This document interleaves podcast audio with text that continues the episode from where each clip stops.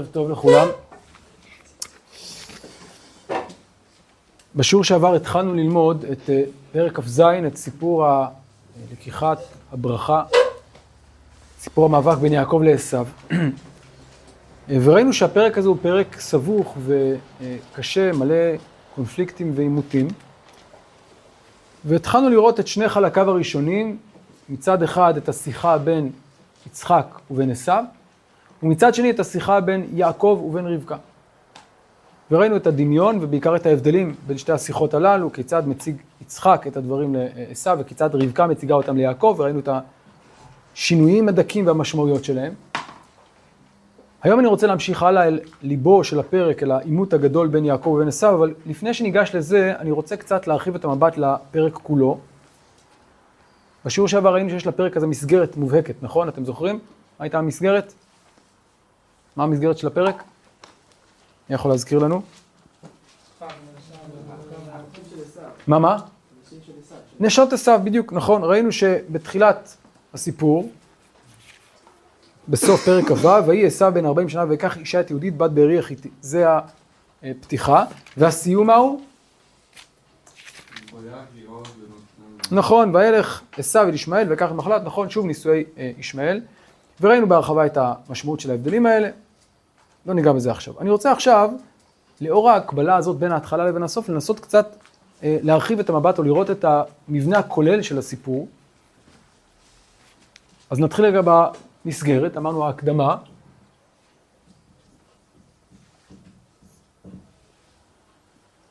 נישואי עשיו עם בנות חטא. מהו הנושא השני, כן, אחרי ההקדמה הזאת? עניין של אה, דו-שיח בין יצחק. השיחה, נכון, יצחק ועשו.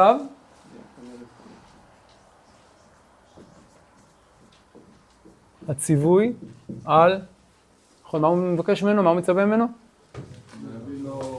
הבאת, אולי ננסח את זה כך, לא ניכנס לפרטים, נגיד, מטעמים וברכה, כן? אוקיי, אז זה יצחק ועשו, מה קורה בשלב הבא? רבקה ויעקב, נכון? רבקה ויעקב, ושוב, ציווי על, מה? מטעמים וברכה, נכון? נקרא לזה ציווי על. בסדר? אז ראינו ששתי הפגישות הללו דומות, מקבילות. מה קורה בשלב הבא? מיד אחרי רבקה ויעקב? כלומר? אז מי כאן עכשיו? מי נמצא בשלב הבא? יצחק ויעקב. ומה קורה במפגש ביניהם? לקיחת הברכה, נכון? לקיחת הברכה. הלאה, מה קורה מיד אחרי זה? יצחק ועשו. ומה קורה שם במפגש בין יצחק לעשו? ברכה שנייה. ברכה שנייה, נכון, או גילוי, נקרא לזה גילוי המרמה וברכה, וברכת וברכת עשיו. כן, מה לאחר מכן? לפני? אז זה חלק, מה- הצעקה זה חלק מרבקה, מיצחק ועשו, ומה קורה אחרי שיצחק ועשו ו? רבקה ויעקב. ומה קורה שם? בורח. שוב ציווי. מה הציווי? ציווי לברוח לחרן. נכון? הלאה, השלב הבא מהו? רבקה ויצחק. נכון. אה, וזה שלב ביניים כזה, אני, פסוק אחד, אז אני אשים את זה בסוגריים ואני אגיד שזה בעיקר יצחק ורבקה. זה מבוא לחלק הבא שמה קורה בו? יצחק קורא ליעקב ו...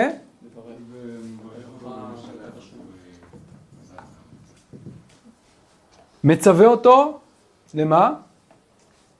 ציווי, מה הוא מצווה אותו? ללכת לקחת אישה. והחלק האחרון, השמיני והאחרון, חתימה. אמרתם נכון, כן? נישואי עשיו עם בת ישמעאל.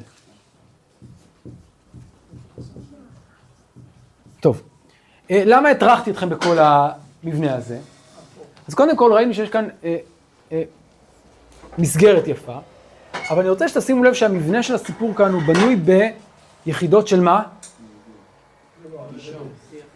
של, של זוגות, בדיוק, של שיחה, בין מי למי? יש לנו כאן בעצם ארבע, ארבע דמויות, נכון? יצחק, רבקה, יעקב, עשיו. אז מה יש לנו כאן? יצחק ועשיו, רבקה ויעקב. יצחק ויעקב, יצחק ועשיו. רבקה ויעקב, יצחק ויעקב. מה אין לנו בכלל אגב? לא רבקה ועשיו?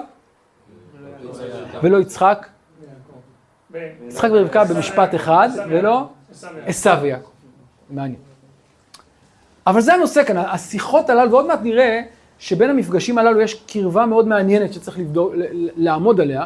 אז ראשית אמרנו, בין החתימה לפתיחה יש כמובן הקבלה מאוד ברורה. בין שתיים לשלוש יש גם הקבלה, נכון? את זה ראינו בשיעור שעבר, נכון? ראינו שבעצם רבקה כאילו משחזרת את הבקשה של אה, אה, יצחק מעשיו, אבל בהבדלים קלים או משמעותיים. אז זה זוג אחד. האם יש לנו כאן עוד אה, זוגות או עוד צמדים? בוודאי, זה צמד מובהק. למה זה צמד מובהק? בשניהם באים הבנים לקבל ברכה מהאבא, האחד מקבל והשני רוצה לקבל ולא מקבל, ובסוף מקבל משהו אחר, אבל כמובן יש הקבלה מאוד חזקה בין יצחק שמגיע, ל... בין יעקב שמגיע ליצחק לבין עשיו שמגיע ליצחק, גם עשיו אבל מקבל ברכה. נכון? ברכה מסוימת, אחרי שהוא מתעקש, זה בדיוק ההקבלה. וכמובן, אז אם כן, כשם שהשווינו בין 2 ל-3, צריך להשוות גם בין 4 ל-5. וכשם שהשווינו בין שני הזוגות הללו, נצטרך להשוות גם בין שני הזוגות, הל- הזוג הזה. מדוע? מה יש לנו בזוג הזה? מה משותף? שני ציוויים על יעקב ללכת. האחד, רבקה אומרת לו לברוח, השני, יצחק אומר לו. למה צריך שני ציוויים? מה פשר הציוויים הללו? מה היחס ביניהם? גם על זה נדבר בעזרת השם כשנגיע, זה יהיה כבר בשיעור הבא. אז אם כן, יש לנו כאן שלושה צמדים. אה, האם אפשר לראות את זה באופן אחר? אולי. אולי יש גם אופן אחר לראות את המבנה הזה, כלומר אולי אפשר לראות, כן, כן אולי בוגרי כמה שיעורי תנ"ך אתם יכולים לנחש איך עוד אפשר אולי לראות את המבנה הזה, לא רק צמדים, אלא מה עוד? אולי? אולי, אולי חנוכיה, כמו שמורים בתנ"ך אוהבים, נכון? כלומר, אולי יש לנו כאן איזשהו אה, שתי, אה, אה, הקבלה כיאסטית, כלומר, של, כמו שאחד מקביל לשמונה, אז אולי גם שתיים מקביל לשבע ושלוש לשש וארבע לחמש, ארבע לחמש כבר ראינו, נכון? אולי גם זה אפשרי, על זה גם נדבר. אז אם כן, בכוונה רציתי קודם כל לשרטט את התמונה, כדי שקודם כל נשים לב שיש לנו כאן מבנה של דיאלוגים, צמדי דיאלוגים, אבל אולי יש לנו גם אפשרויות אחרות, ונשים לב למבנה הזה ולהקבלות האפשריות, כדי שנוכל להבין קצת יותר לעומק כאשר נגיע לדיאלוגים עצמם. טוב, אז אני אסכם, עד כה דיברנו על הצמד הראשון, הדיאלוג אה, אה, בין יצחק ורבקה ליעקב, לעשו ויעקב, ועכשיו אנחנו מגיעים ללב הסיפור, וזה הדיאלוג בין, או המפגש בין יצחק ליעקב ולעשו. בואו נחזור לפסוקים. כן, אז אנחנו אה, הגענו, אולי נשלים משהו מהמפגש הקודם, רבקה ויעקב. כן, אז רבקה כזכור אומרת ליעקב אחרי שהיא מספרת לו מה אמר יצחק לעשו, מה היא אומרת לו? אני חוזר, כן, לך נא אל הצאן, קח לי משם, אני בפסוק ט', שני גדי עזים טובים, ואעשה אותם התמים לאביך כאשר אהב, והבאת לאביך ואכל בעבור אשר יברכך לפני מותו, את זה ראינו בשיעור שעבר. אבל יעקב לא מגיב בהסכמה, אלא מה הוא אומר? ויאמר יעקב אל רבקה אמו, הן עשיו אחי איש שעיר, ואנוכי איש חלק. אולי ימושני אבי והייתי בעיניו כמתעתע והבאתי עליי קללה ולא ברכה. מה הטענה של יעקב? מה? זה לא יעבוד. הוא חושש. למה הוא חושש שזה לא יעבוד? כי הוא שונה מעשיו, אולי... אה, כי אני שונה מעשיו. פיזית אני שונה ממנו, נכון? למה אני שונה ממנו? עשיו אחי איש שעיר ואנוכי איש חלק. אגב, שימו לב להבדל הזה, לכאורה הוא פשוט בא לומר, אבא שלי ימושש אותי, למה הוא ימשש אותי? עיוור. והייתי בעיניו כמתעתע, אבל, אגב, המילה הזאת מתעתע גם מעניינת. מה זה והייתי בעיניו כמתעתע? הבין שאני, זו מילה מעניינת, אני מטעה אותו, אני משגה אותו. וזה מעניין כי אנחנו יודעים שיש פסוק מפורש שמדבר על מי שמטעה עיוור. שאולי מכיר את הפסוק הזה? זה דבר אחד, נכון, ויש לנו עוד פסוק בספר דברים, ארור משגה עיוור בדרך. מי שמנצל את העיוורון כדי להטעות את העיוור, יכול מה לקבל? קללה, וזה בדיוק מה שהוא אומר. אז מעבר לעובדה שאבא שלי יקלל אותי, עצם המעשה הזה הוא מעשה שיש בו אולי קללה. מה אומרת רבקה? עליי קהילתך בני.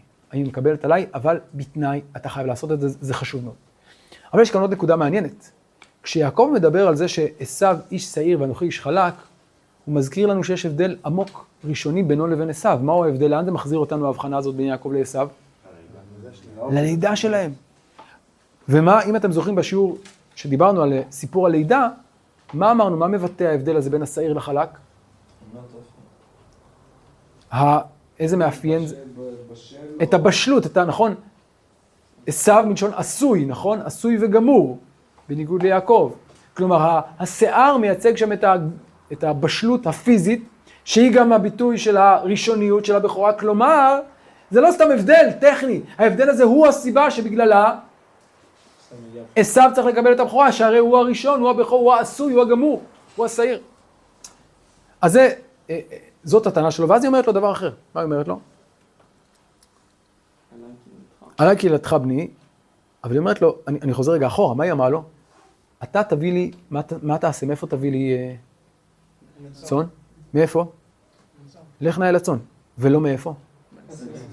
עוד הבדל מעניין, נכון? עשו הרי מה התכונה המרכזית שלו? מעבר לזה שהוא שעיר ועשוי, כלומר פיזית, הוא גמור, הוא גם איש ציד, איש שדה. ולכן אומר לו יצחק, תביא לי מן השדה. נכון? צודה לי ציד. מה אומרת רבקה? נכון, הוא איש שדה, אבל מה היתרון שלך? אתה יושב אוהלים, בדיוק. אתה יושב אוהלים, ולכן כדי להביא בשר, מה אתה צריך לעשות? ללכת לשדה, ללכת לצאן, סליחה, לדיר. להביא משם צאן וזהו. ואז בעצם היתרון שלך הוא מה? זה שאתה רואה צאן, זה שיש לך כאן את הצאן, לא צריך ללכת להביא מרחוק, ואז יהיה לך יתרון של קדימות בזמן על פני עשיו. אז אם כן, שימו לב שיש כאן את ההבדלים שראינו בפרק הקודם, בפרק אה, כ"ה, הם באים כאן לידי ביטוי, הן במשלח היד, באורח החיים, הן בטבע, וכל אחד מנסה לנצל אותו אה, לצרכיו. ובסופו של דבר, יעקב הולך וילך ויקח ויבא לאמו ותעש עמו מטעמים כאשר אהב אביו ותיקח רבקה את בגדי עשיו בנה הגדול החמודות אשר איתה בבית, ותלבש את יעקב בנה הקטן, ואת אורות גדיי העזים הלבישה על ידו, ידיו ועל חלקת צוואריו, ותיתן את המטעמים ואת הלחם אשר עשת ביד יעקב בנה. אז הכל מוכן. אני רוצה כאן לשים לב לדבר מעניין. אה, בעצם כל המעשה הזה מבוסס על כך שאפשר להטעות את יצחק, מדוע? כי הוא עיוור, אין לו את חוש הראייה. מה יש לו חוץ מחוש הראייה אם כן? שמיעה, מה עוד? מישוש, ריח וטעם. בואו נראה איך מתמודדים עם כל אחד מהחושים הללו. טעם, מטעמים כאשר אהב, יתכין מטעמים כמו שהוא אוהב. הלאה. טעם, פתרנו. מה עוד יש לנו? מישוש, אולי ימושני, אז מה עושים? לוקחים את האורות, אותם אורות של אותם גדיים, נכון? ו... על ידיו. מה עם ריח? הבגד. עוד מעט נראה הבגד. ית- תראה, איך יודעים את זה? נראה מהפסוק הבא, מהפסוקים הבאים. ריח בגדיו. איזה חוש נשאר? שמיעה. בואו נראה. טוב. ויבוא אל אביו ויאמר, אבי, ויאמר הנני, מי אתה בני? ויאמר יעקב אל אביו, אנוכי עשו בכורך עשיתי כאשר דיברת אליי, קומנה שבה ואוכלה מצדי בעבור תברכני נפשך. ויאמר יצחק אל בנו, מה זה מיהרת למצוא בני? ויאמר כי קרא אדוני אלוהיך לפניי. ויאמר יצחק אל יעקב, גשנה ועמושך בני, האתה זה בני עשו אם לא. ויגש יעקב אל יצחק אביו וימושהו ויאמר הכל כל יעקב והידיים ידי עשיו. ולא הכירו כי היו ידיו כידי עשיו אחיו שעירות וברכו ויאמר אתה זה בני עשיו? ויאמר אני. ויאמר הגישה לי ואוכלה מצד בני למען תברכך נפשי. ויגש לו ויאכל ויבא לו יין ויבא לו יין וישת. ויאמר אליו יצחק אביו גשנה הושקע לי בני. ויגש וישק לו וירח את ריח בגדיו ויברכו ויאמר ראה ריח בני כריח שדה אשר ברכו אדוני וייתן לך האלוהים מטל השמיים ומשמני הארץ ורוב דגן ותירוש יעבדוך עמים וישתחוו לך לאומים הווה גביר לאחיך וישתחוו לך בני אמך עורריך ארור ומברכך ברוך עד כאן. המפגש הזה הוא המפגש אולי הכי מותח בסיפור, נכון? יעקב מגיע מלא חשש. האם אביו יזהה או לא יזהה? האם יביא עליו קללה או ברכה? ושימו לב שהסיפור הזה נמתח ונמתח בכמה שלבים. מה, מה גורם לאריכות, לאריכות הדברים בסיפור שלנו? מה? חשד. אז אם נתבונן רגע בסיפור, אפשר להגיד שיש לנו כאן כמה היסוסים. בואו, כן, פסוקים קצת מפותלים, צריך לעמוד על השלבים שלהם, אבל בואו נראה רגע מאיזה פסוק עד איזה פסוק אפשר למצוא את ההיסוסים, איפה בעצם הברכה מגיעה בסוף? רק בפסוק כ"ח. וייתן לך אלוהים זו הברכה. כלומר, מפסוק י"ט עד פסוק כ"ח, עד פסוק כ"ז, כן? יש לנו כאן כמה שלבים של היסוסים, חשדות של יצחק, עד שהוא בסוף, בסוף, בסוף מברך בפסוק כ"ז עד כ"ט. אז אם כן, אני ראשית רוצה לעמוד על התהליך הזה שעובר אה, יצחק מול יעקב ולנסות לראות את ההיסוסים הללו. אז בואו נתחיל בשלב הראשון. ויבוא, ויבוא אל אביו ויאמר, אבי! ויאמר, הנני, מי אתה בני? איפה הפסוק הזה נשמע לנו מוכר? אבי, מה? עוד מעט נגיע לעקדת יצחק, אבל לא צריך ללכת רחוק. בתחילת הסיפור, מה נאמר? פסוק, ראינו את זה בשיעור שעבר, פסוק א', ויקרא את עשיו בנו הגדול, ויאמר אליו בני, ויאמר אליו הנני. אז מה עושה כאן? אבי, ויאמר הנני. יש לנו כן כאילו תמונת ראי של השיחה הקודמת. בשיחה הקודמת יצחק קורא לעשיו, הוא אומר לו הנני, וכאן הוא אומר בני, וכאן הוא אומר לו אבי, הנני. לכאורה זה תמונת ראי של המפגש הקודם, ואולי אולי מה שיצחק, מה שיעקב מנסה לעשות כאן זה בעצם לנסות לחקות את הסגנון, הוא מכיר את הסגנון של עשיו, אבי, בני, הנני. הוא מנסה לחקות את יחסי יצחק ועשיו. אבל האם זה עובד? לא כל כך. הנני, אבל הוא מוסיף משפט. מי אתה בני? ואני רוצה, זהו דבר מעניין שצריך לשים אליו לב, שניתן את דעתנו לכינויים השונים שמופיעים כאן בפסוקים. איך הוא קורא לו בשלב הראשון? הנני מי אתה? בני. בני. כלומר, הוא לא אומר, אני יודע שאתה בן שלי, אבל, איך אני יודע שאתה בן שלי? איך אני יודע שזה הבן? כי אומר אבי. אז, אז כנראה שאתה בן שלי, אבל... אבל מי אתה? כלומר, במילים אחרות, איזה בן אתה? כן. אמרתם נכון שיש כאן גם רמז לפרשת העקדה, כמו שראינו גם בתחילת הפרק, ואולי זה לא מקרה אה, אה, אה, שבן אומר לאביו, אבי, ויאמר הנני בני, זה ממש מזכיר את פרשת העקדה, נכון? ו... ואולי זה לא מקרה. למה, למה עולה בזיכרוננו כאן התיאור הזה של העקדה? מה, מה אולי יכול להיות כאן ב, בסיטואציה הזאת שמזכיר עקדה? כאן זה הפוך, שאברהם יושב מיצחק. שם אולי אברהם מסתיר מיצחק את מה שיקרה, וכאן יעקב מסתיר מיצחק, ואולי אולי גם יעקב, איך מרגיש כאן בסיטואציה הזאת?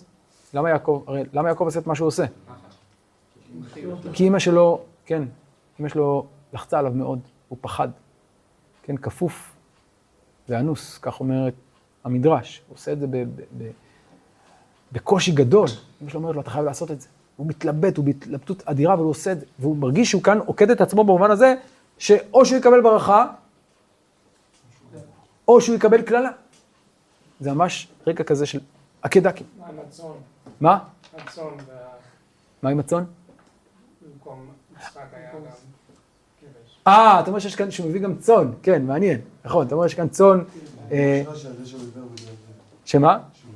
בגלל העקדה, נכון, יש אולי עוד חיבור לפרשת העקדה, כן. אז כאן, כאן באמת יש את השה לעולה, השאלה מי יעשה לעולה, אם הצאן שהוא מביא או שהוא יעשה לעולה, מי כאן ה... אוקיי.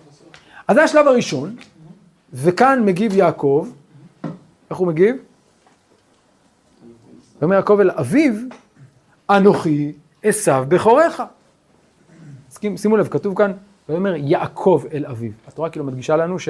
ואומר אנוכי עשיו. כלומר, יעקב אומר, אנוכי עשיו. אז ברור שזה זה לא נכון, יעקב אומר אנוכי עשיו. אה, אבל מה אומר יצחק? ויאמר יצחק, אה, אנוכי עשיו בכורך, עשיתי כאשר דיברת אליי, הוא כאילו אומר, אני יודע הרי מה קרה, נכון? אתה אמרת לי. קום נשבה ואוכלה מצידי, בעבור תברכני נפשך, כמו שאמרת. כלומר, הוא מצטט כאילו דברי יצחק מקודם, שהוא שמע מ... מרבקה. ויאמר, וכאן מגיע השלב הבא של הפקפוקים. ויאמר יצחק אל בנו, מה זה מיהרת למצוא בני? שימו לב. איך אומר, למי אומר יצחק את זה? לבנו. כלומר, מבחינת יצחק, מי זה? הוא עדיין לא בטוח, הוא אומר לו, מי אתה בני? הוא אומר לו, אנוכי עשיו. האם הוא מאמין שזה עשיו או לא? הוא אומר אל בנו. מה היינו אומרים ויאמר יצחק אל עשיו? ויאמר אליו יצחק. אתה רואה שהבנו כאן, עוד מעט תחכו, בואו נמשיך הלאה. מה זה מיהרת למצוא בני? הוא לא אומר לו מה זה מיהרת למצוא עשיו, כן? בני, הוא עדיין לא, כן. עכשיו, למה הוא חושד? עדיין לא. סיבה מאוד פשוטה, מה החשד שלו? מהר מדי, למה זה מהר מדי? כי כדי לצוד לוקח הרבה זמן, אבל כדי להביא צאן מהדיר, אפשר לעשות את זה במהירות. כלומר, המהירות שהיא היתרון היחסי של יעקב, היא עכשיו, הבעיה היא החשד, היא מעוררת חשד. ויאמר יצחק אל בנו, מה זה מיהרת למצוא בני? הוא חושד. ויאמר, כי יקרא אדוני אלוהיך לפניי. כן? אמ, טוב, אז מה הוא אומר כאן? נקרא זה נקרא מקרא. כן, קרא זה כאילו אה, זימן לי, נקרא במובן של זימן לי, נקרא זימן לפניי, כן, אה, את ה... כן, הוא אמר השם אלוקיך. אה, נכון, אז השאלה איך להבין את השם אלוהיך הזה, זה גם דבר מעניין. אולי כאן יעקב מנסה לחקות גם את סגנון הדיבור של של עשיו, יכול להיות. או זה שהוא מזכיר את שם השם, זה לפי חלק מהמפרשים, זה אולי מחשיד אותו. אבל זה שאומר אלוהיך ולא אלוהי. אז אפשר לקרוא את זה בכל מיני דרכים. בין כך ובין כך, החשד הבא עוד יותר חריף, איך אני יודע? ויאמר יצחק אל יעקב, גשנה ועמושך בני אתה זה בני עשיו אם לא. איך אני יודע שזה יותר חריף? קודם נאמר ויאמר יצחק אל בנו, הוא לא יודע. כאן כבר ויאמר יצחק אל יעקב, הוא כבר חושד שמדובר ביעקב. אולי בגלל סגנון הדיבור שהוא מנסה לחקות את עשיו, אבל לא הולך לו. אתה זה בני עשיו? אם לא, אולי יש אפשרות אחרת, והחשד הולך ומתגבר. כאן, ככל שהוא מתקרב, כמובן, הסכנה גדלה, ויג- ויגש יעקב אל יצחק אביו, וימושהו, כפי שיעקב חשד, ויאמר, הכל, כל יעקב, והידיים ידי עשיו. אז מה קורה פה? יש לנו כאן ניגוד בין המישוש לבין השמיעה. השמיעה זה החוש היחיד כאמור שיעקב לא הצליח לטשטש, נכון? הוא מנסה, אבל זה לא עובד. המישוש מצד אחד, השמיעה מצד אחר. יש כאן סתירה. בסוגריים אני אגיד שהסתירה הזאת היא סתירה מאוד מעניינת. כלומר, כשמדברים על ה... קודם כל, כל הסיפור הזה הוא סיפור מאוד חריף. יעקב כאילו נכנס לתוך הדמות של עשיו. יעקב ועשיו הם שני ניגודים, נראה את זה עוד בהמשך. יעקב כאן מנסה להתחפש לעשיו באיזשהו אופן, נכון? עד כמה יעקב באמת יכול להתחפש לעשיו, מה אי אפשר לשנות, מה אפשר לשנות, מה אפשר לדמות, מה אי אפשר. המדרש אומר דבר מאוד חריף, אני רוצה להגיד את זה, למרות שזה, שוב, זה, זה מדרש, אבל מדרש נוגע בנקודה מאוד עמוקה כאן בפשט. הכל כל יעקב, אין יעקב שליט אלא בקולו. והידיים ידי עשיו, אין עשיו שליט אלא בידיים. כלומר, יש כאן אמירה, כמעט הייתי אומר, אה, שמאפיינת אותם. לעתיד. שיעקב כוחו הוא בקולו, בדיבור, ועשו כוחו הוא בידיו. זה ביטוי שאנחנו אחרי זה מכירים, הכל כל יעקב וידיים ידי עשו, נכון? עשו במובן המעשי, במובן הפעלתני, ואולי גם במובן שלילי יותר. ולא הכירו כי היו ידי עשו, ידיו כידי עשו אחיו שעירות, ויברכהו. רגע, זה פסוק קצת מוזר. אז מה היה צריך לקרות עכשיו? הוא לא הכיר אותו, ו... לא, אז קודם כל הוא אומר, כל כל יעקב יש כאן סתירה, ואז הוא מברך אותו. רגע, אז קודם כל למה אתה מברך אם אתה לא בטוח? א', ב', האם כאן מגיעה הברכה? לא, איפה מגיעה הברכה? רק עוד כמה פסוקים, והנה בהמשך יש לנו עוד התלבטות, אז לא לגמרי ברור. אז יכול, יש שאומרים שהכוונה כאן לברכה נפרדת, ויברכהו לא את הברכה הסופית, אלא, מה? תודה רבה. ברכה במובן של ברך אותו על זה שהוא הביא לו את האוכל. אבל הוא עדיין מתלבט, ויאמר, אתה זה בני עשיו? ויאמר, אני. התלבטות נוספת. מה ההבדל בין ההתלבטות הזאת להתלבטות הקודמת? אבל גם קודם הוא אמר, האתה זה בני עשיו. אז קודם כל, שם הוא אמר, "האת- האתה זה בני עשיו. כאן הוא אומר, אתה זה בני עשיו? שם זה יותר בשאלה, כאן זה יותר בקביעה. ושנית, מה הוא אמר שם? אתה זה בני עשיו? אם לא, מה הוא אומר? אתה באמת בטוח שאתה עשיו? אתה זה, זה באמת כך? ויאמר, אני. אגב, מה היה צריך לענות לו? כן. למה הוא לא עונה לו כן? לא. כי אין תשובה כזאת בתנ"ך. אין אף אדם בתנ"ך ששואלים את השאלה והוא עונה כן. תחפשו, תבדקו. אז אם, עונים, אם שואלים אותך משהו ואתה רוצה להגיד כן, אז מה אתה אומר? אין. לא. לא, אכן זה הפוך, זה לא כך. אה, אתה פשוט חוזר על המילה הראשונה. האתה זה בני עשיו? אני. היש? יש. הדה? כן. בקיצור, כך, כך זה עובד. אין, התשוב, המילה כן לא מופיעה כתשובה, זה מאוד מעניין. זו מילה מאוד שימושית. תחשבו שפעם הסתדרנו בלי המילה כן בתקופת התנ"ך. כלומר, השתמשו במילה כן, אבל לא בהקשר של yes, כתשובה. סתם הערה, הערת אגב. מה? כשהוא שואל אותו אם לעלות, הוא אומר לו, "אתה- עלה, העלה, הירדו, עלה. הוא לא אומר לו כן, אף פעם. כן, זה לא אומר כלום, זה אומר שאני קינא. זה כאילו, טוב, סתם, נכון, זה- סתם זה מעניין שלפעמים מילים שאומרות לנו איך אפשר בכלל לדבר בלי בלי המילה כן. הנה זה לא מסתבר. מה? נגיד, אה, שואלים אותי, אתה הולך לקולנוע, אז אני- אגיד, אני אעיד על עצמי שאני כן. מה זה אומר? יכול להיות שאני כן הולך לקולנוע. לא, אתה יכול להגיד, כמו באנגלית. האם, yes, כן, אני הולך. אבל זה לא כמו אנגלית, כי כן זה... לא משנה, אז בסדר, אני אומר, אבל אה, אה, בקיצור, המילה הזאת לא קיימת. אין, אין את ה, המילה הזאת כתשובה חיובית, חיובית, בסדר? לא נמצאת. סתם, זו הערה ככה כללית. אה, אז האתה זה בני עשיו? אני. טוב. ויאמר, הגישה לי, ואז מתקדמים לשלב הבא. הגישה לי, ואוכלה מצד בני. למען תברכך נפשי. כפי שראינו קודם, כן? אז הוא רוצה שמישהו יגיש לו. למה הוא רוצה שהוא יגיש לו? אני חוזר למה שראינו בשיעור שעבר. אז אחרי שכבר סיכמנו שאתה עשיו, תגיש. למה תגיש לי? יש כאן, ראינו שהמטרה של ההבאה של המטעמים זה לא רק שאני אהיה על בטן מלאה, אלא מה? לייצר את הקריבה, הגישה לי. ואוכלה מציד בני. לא זה שאני אוכלה, אני אוכל את הציד שלך, למען תברכך נפשי. זה מה שאמר לו קודם, הנפש, דהיינו הצד החיוני. אפשר להגיד שגם פה הוא לא ממש מאמין שזה עדיין... עוד, עוד רוצה להרגיש. לא, כי הוא אומר, למען אוכל מצד בני. הוא עדיין לא אומר לו יעקב. לא מצדך. הוא אומר לו עשיו, כן, כן, מעניין, אולי. נראה, בלי עוד מעט חוזר גם בהמשך. ויגש לו ויאכל, ויבא לו יין וישת. וזה עדיין לא מספיק. או בגלל שהוא לא מאמין, או בגלל שהוא רוצה יותר קריבה. ויאמר אליו יצחק אביו, גשנה ושקע לי בני. למה הוא רוצה שהוא יישק לו? שוב. אז או שהוא לא מאמין לו, אפשרות אחת, הוא רוצה אולי להרגיש קצת יותר קרוב, ואולי גם, כפי שנראה עוד מעט, הוא רוצה להרגיש את הקרבה. מתוך הנשיקה, מתוך האהבה של הבן לאב. הוא רוצה מתוך זה לברך אותו.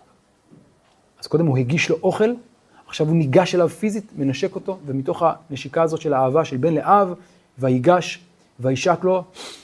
וכאן, אם קודם דיברנו על חוש השמיעה, והטעם עכשיו גם חוש הריח. אבל מה אומר ריח?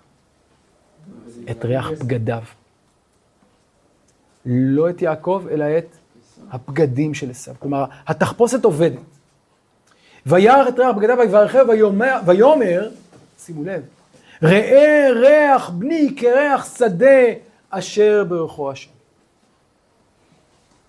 אז החשש וההיסוס נעלם, מתפוגג, ובמקומו מה יש לנו כאן? קרבה, אמון, ו... שימו לב לתיאור המעניין הזה, מה, ממה הוא מתענה כל כך? ריח בני כריח שדה אשר ברכו השם. והמילה הזאת שדה מהדהדת לנו, נכון? ראינו אותה לאורך כל הסיפור, נכון? כאשר הוא אומר לו, לך לשדה, ויצחק, וסליחה, עשיו הוא איש ציד, איש שדה, אבל ראינו שהמילה שדה מתחברת גם למי? ליצחק, ויצא יצחק לסוח בשדה, הוא איש של שדה. איש של הארץ, ראינו את זה בשיעור שהיה בשיעורים הקודמים, פרק כ"ו. ומתוך שני אנשי השדה הללו, הקשר ביניהם סביב השדה, מתוך זה באה הברכה. הברכה קשורה לשדה, קשורה לארץ, קשורה לריח הזה. וכאן אני רוצה להגיע לברכה. באמת, על מה מדברת הברכה? וייתן לך אלוהים מיטה לשמיים ומשמני הארץ ורוב דגן ותירוש. ארץ. עוד נחזור בהמשך לסוף הברכה. יעבדו חמים, שתחוו לך לאומים, זה כבר ברכה פוליטית, נדבר עליה עוד מעט. עורך ארור ומברכך ברוך, מה זה מזכיר לנו? עורך ארור ומברכך ברוך. הברכה של... לא. לך לך. נכון? איך מסיים את לך לך? הברכה בלך לך? לגוי גדול. ועברך מברכך ומקללך האור. כאן זה הפוך. עורריך ארור ומברכך ברוך. אבל זה אותו רעיון. מסתיימת הברכה. וכאן אנחנו מגיעים לשלב הבא, המקביל. ויהי כאשר כילה יצחק לברך את יעקב, ויהי אך יצא יצא יעקב מאת בני יצחק אביו, ועשו אחיו בא מצדו. כהרף עין, כחוט השערה, זה הולך, זה יוצא וזה בא. כמעט נפגשים, אבל, אבל לא. מצדו. ויעש גם הוא מטעמים, ויבא לאביו. ויאמר לאביו, יקום אבי ויאכל מציד בנו, בעבור תברכני נפשך. מה ההבדל? קודם כל זה מאוד דומה לשיחה בין יעקב לבין יצחק, נכון? מה ההבדל? מי מנומס? יעקב. יעקב, מה אומר?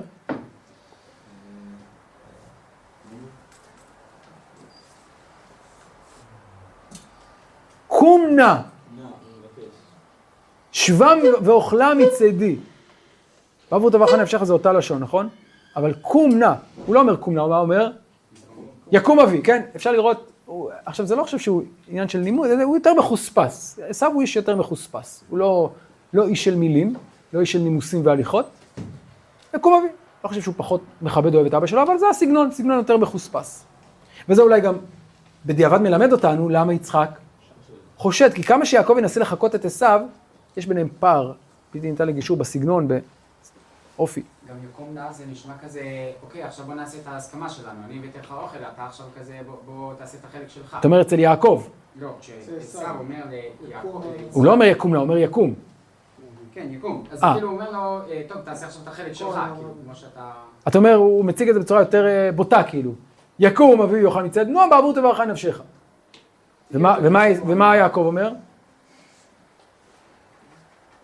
אנוכי אשא בכורך עשיתי כאשר דיברת אליו, קום נא שבה באוכלה מצדי. קודם כל אומר לו שבה, ואומר לו גם נא, זה קצת יותר מעודן. טוב. ויאמר לו יצחק אביו, מי אתה? אגב, מה חסר כאן? בני. למה אין כאן? מה? כי יש הבדל מאוד גדול בין השאלה מי אתה בני לבין השאלה מי אתה. כשאומר מי אתה בני, איזה צליל יש לנו כאן? חשד. מי, מי אתה?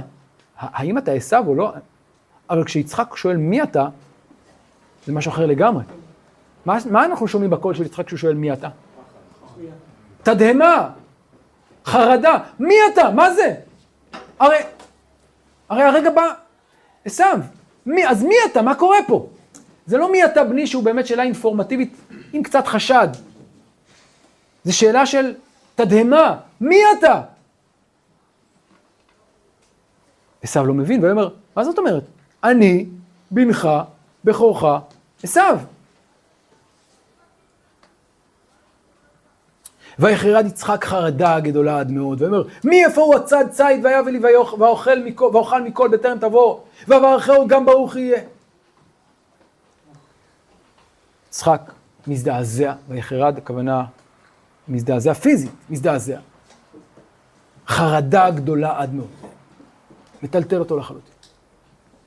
מי איפה הוא הצד ציד, וכמובן מי איפה, שאלה רטורית, מי איפה? הוא כבר מבין מי איפה.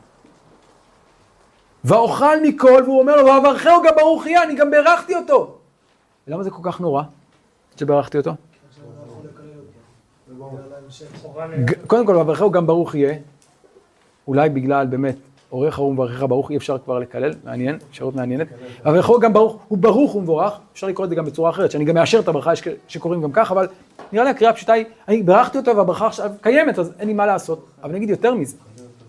כי שמוע עשו את דברי אביו, ושימו לב לפרץ הרגשות, בפגישה, אם הפגישה הקודמת הייתה פגישה מלאת חשד בהתחלה וקרבה בסוף, הפגישה הזאת היא פגישה טעונה עד מאוד, עם רגשות מתפרצים.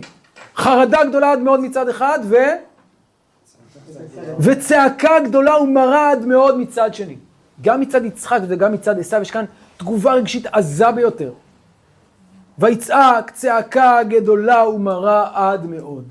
שניהם מבינים את, ה, את המשמעויות הקשות של מה שקרה. ויאמר לאביו, ברכני גם אני אבי. בסדר, אז תברך גם אותי. ויאמר, וכאן יצחק מתעשת, ו... ויאמר, בא אחיך במרמה, ויקח ברכתך.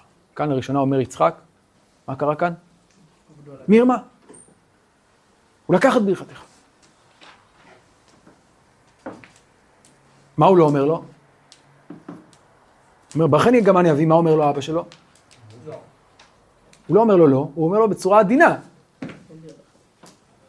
לקחו את הברכה שלך. במרמה. בסדר, אבל... אז, אז מה עשו אומר? בסדר, אז, אז ברכה זה משהו... ויאמר, אחי קרא שמו יעקב, ויעקבני זה פעמיים. את בכורתי לקח, והנה אתה לקח ברכתי. וכאן אנחנו שוב מתחברים לאן? לסיפור המכירה. פעמיים. ראינו שהעקיבה יש לה משמעות כפולה, כן, גם להחזיק בעקב וגם לרמות, אז הוא אומר, בעצם הוא רימה אותי, פעם אחת הוא לקח לי את הבכורה, פעם אחת את הברכה. האמנם הוא עקב אותו פעמיים? לא לגמרי, ברור, נכון, הרי שם כפי שראינו, הוא ניצל את החולשה שלו, זה לא הייתה עוקבה במובן של מרמה, אבל הוא רואה את זה כך, מבחינתו יש כאן מרמה כפולה, עוקבה כפולה של יעקב, ובעצם אומר, זה יעקב, זה הטיפוס, הוא עוקב, הוא רמאי, הוא בא במרמה פעמיים, את בכורתי ואתה הנה לקח ברכתי. אגב, צריך לומר, שבמידה מסוימת כשעשו אומר את זה, אומר, רגע, אבל אם באמת הוא לקח את הבכורה, אז מן הסתם מה? נכון. אבל הוא אומר, כיוון שהוא לקח את הבכורה בעוקבה, אז גם את הברכה לא מגיע לו. אבל יש לזה כמובן גם צד שני, נכון?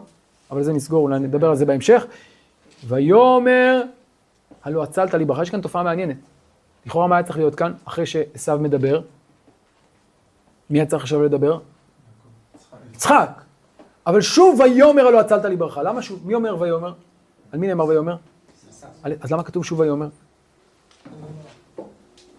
ויאמר, סליחה. מה? אז אולי בהתחלה הוא אומר את זה לעצמו, הוא צועק לעצמו, ואז הוא פונה לאבא שלו. אבל לאבא שלו אין לו מה להגיד, לא לאמירה הראשונה. הוא אומר, אחי, בסדר. מרים ידיים אולי, מה אני אעשה? אז עשו רואה שהוא לא מבין את הרמז, הוא אומר זה בצורה ישירה, הוא אומר, הלא הצלת לי ברכה, אבל הוא כבר ביקש ברכה. מה הוא אמר לו? בא אחיך במרמה. שימו לב כמה פעמים עשו מבקש ברכה. פעם אחת הוא אומר לו, תברכני נפשך, מה הוא אומר לו? אבל אתה לא... אבל נתתי את זה כבר למישהו. הוא אומר, טוב, ברכני גם אני. מה הוא אומר לו? בא אחיך במרמה. הלא הצלת לי ברכה. פעם שלישית. מה אומר לו אה, אה, יצחק עכשיו?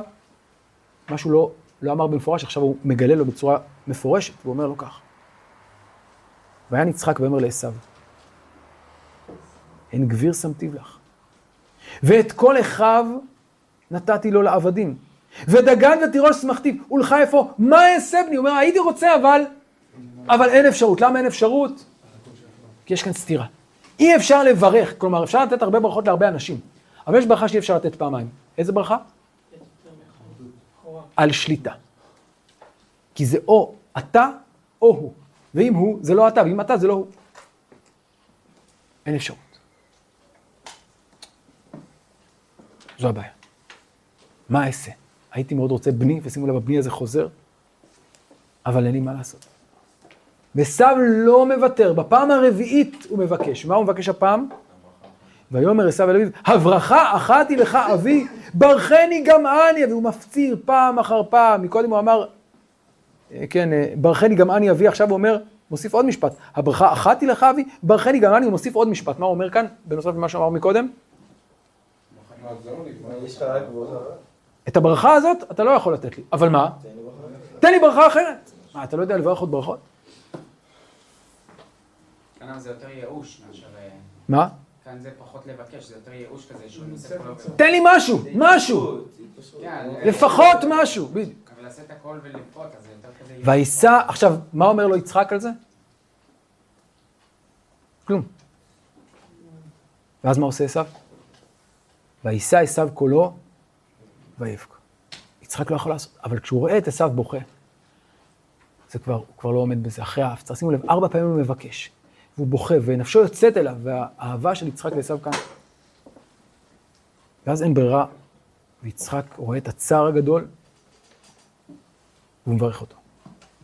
ויען יצחק אביו ויאמר אליו, הנה משמני הארץ יהיה מושבך, ומטל שמיים, השמיים מעל, ועל חרבך תחיה, ואת אחיך תעבוד.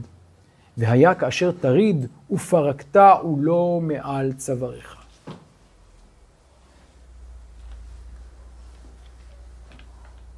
עוד ברכה. מה ההבדל, מה היחס בין שתי הברכות הללו? הברכה של יצחק ליעקב, שהוא חשב לתת לעשו, והברכה של יצחק לעשו. קדימה. בואו נתבונן רגע בשתי הברכות, תתבוננו בפסוקים, תגידו לי איזה הבדלים אתם מוצאים, מה דומה ומה שונה בין שתי הברכות. בואו נתחיל קודם כל במבנה. מה המבנה של שתי הברכות? כמה חלקים יש בהם? מה הנושאים שלהם? ושליטה וממשל, נכון? כלכלי ופוליטי. עכשיו, החלק הראשון די דומה, נכון? מה נאמר ליעקב? וייתן לך אלוהים מטל השמיים ומשמני הארץ ורוב דגן ותירוש. נכון? הברכה הכלכלית. מה נאמר לעשו? הנה משמני הארץ יהיה מושבך ומטל השמיים מעל. זה דומה או לא?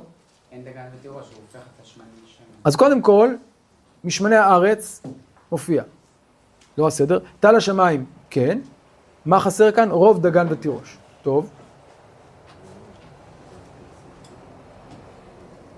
עוד מעט נדבר רגע על, על, ה- על הסגנון השונה הזה. אז, אז הברכה הכלכלית נמצאת, נכון? אה, אין רוב דגן, כלומר זה לא באותה עוצמה, אבל יש. איזה עוד הבדל יש? קטן? בדיוק, אין שם השם, וייתן לך אלוהים מטל השמיים. מה נאמר כאן?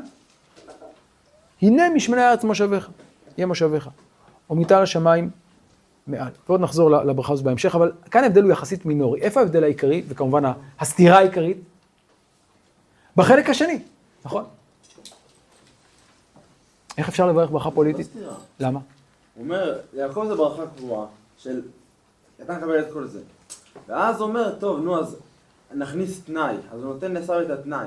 שאם יקרה ככה וככה, אז אה, אתה תקבל גם. רגע, אז עוד שנייה נבין מה התנאי, אבל אני אומר, עקרונית הבעיה העיקרית היא לא בברכה הראשונה, אלא בשנייה, נכון? או לא בחלק הראשון, אלא בחלק השני.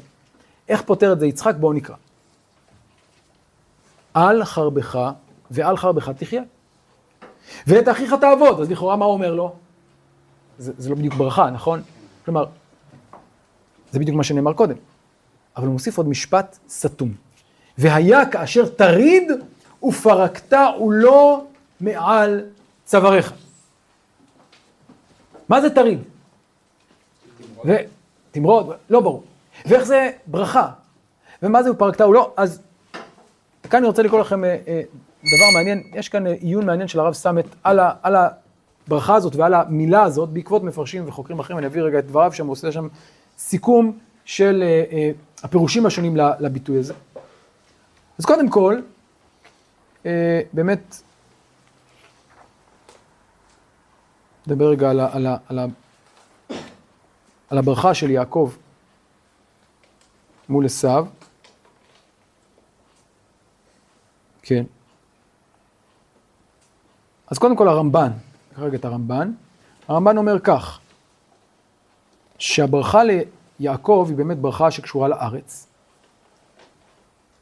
והנכון בעיניי כי מתת אלוהים תמיד ואין לו הפסק לעולם, וכן אמר, וייתן לך אלוהים כל ימיך על אדמתך מטל השמיים. ולעשו לא ניתנו, כלומר טל השמיים ומשמני הארץ במתת האלוהים, ולא בריבוי.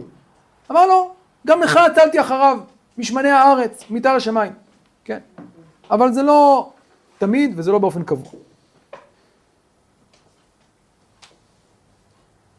טוב, אז לפי הפירוש הזה, אתה תשב איתו בארץ, אתה תהנה, אבל לא כמוהו מהברכה של הארץ, וגם אתה לא תשב תמיד בארץ, כן? טוב. זה פירוש אחד, יש עוד כמה פירושים, אבל הוא מציע פירוש מאוד מעניין, בשם אה, דוקטור מור, מרדכי נאור, מנחם נאור, סליחה. והפירוש הוא כזה, הנה, לאחר שלקח יעקב את ברכתך, כך הוא מצטט מאותו מפרש, משמני הארץ יהיה מושבך, שימו לב לפירוש המעניין הבא, מושבך יהיה רחוק משמני הארץ. זאת אומרת, איך מבינים את המם כאן? כי אלה נתלו יעקב. מם היחס שבכאן, מם השלילה היא, ולא מם החלק, כלומר שיהיה לך מתוך שמני הארץ, אלא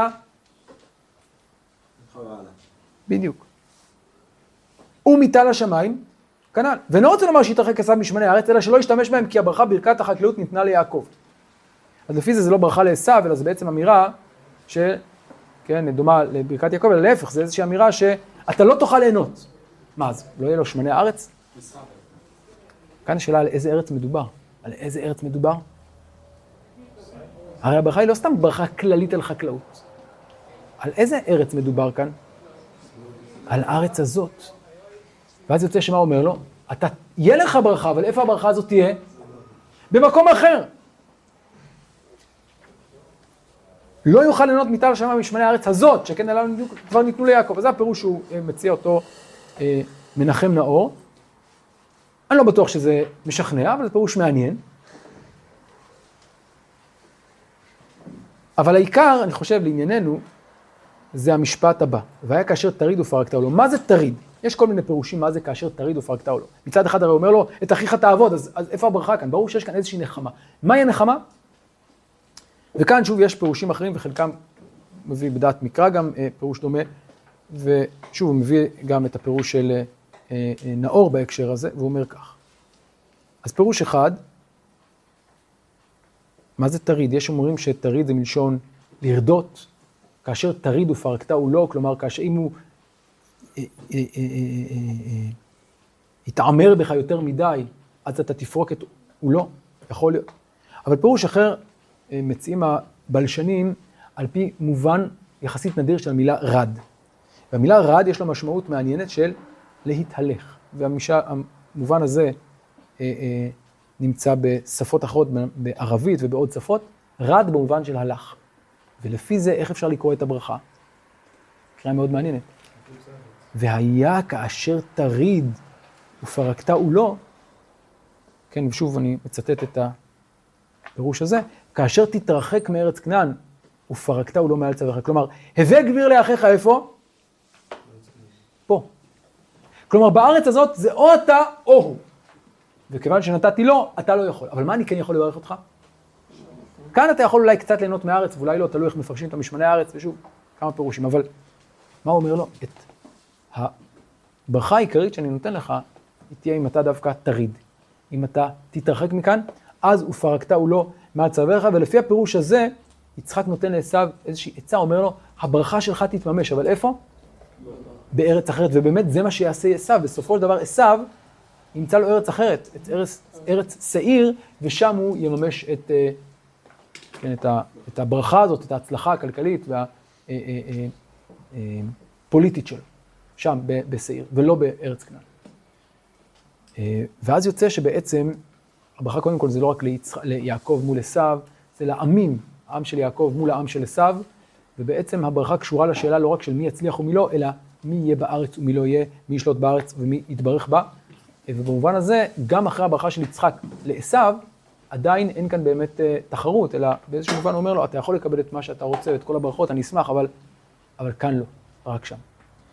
עד כה אם כן סיימנו את הצמד הזה, ונותר לנו כדי להשלים את הסיפור, את הצמד האחרון, שפונה לכאורה ליעקב, אבל כפי שנראה הוא משלים את התמונה השלמה. ואני רוצה בשיעור הבא גם לעיין היטב בצמד הזה, ודרכו לנסות להתבונן מחדש על כל המכלול הזה של פרק כ"ה, פרק כ"ז, יחסי יעקב ועשיו, ולנסות אולי קצת יותר להעמיק בשאלת המשמעות של המעשה של יעקב ושל הברכות של יצחק ליעקב. ערב טוב.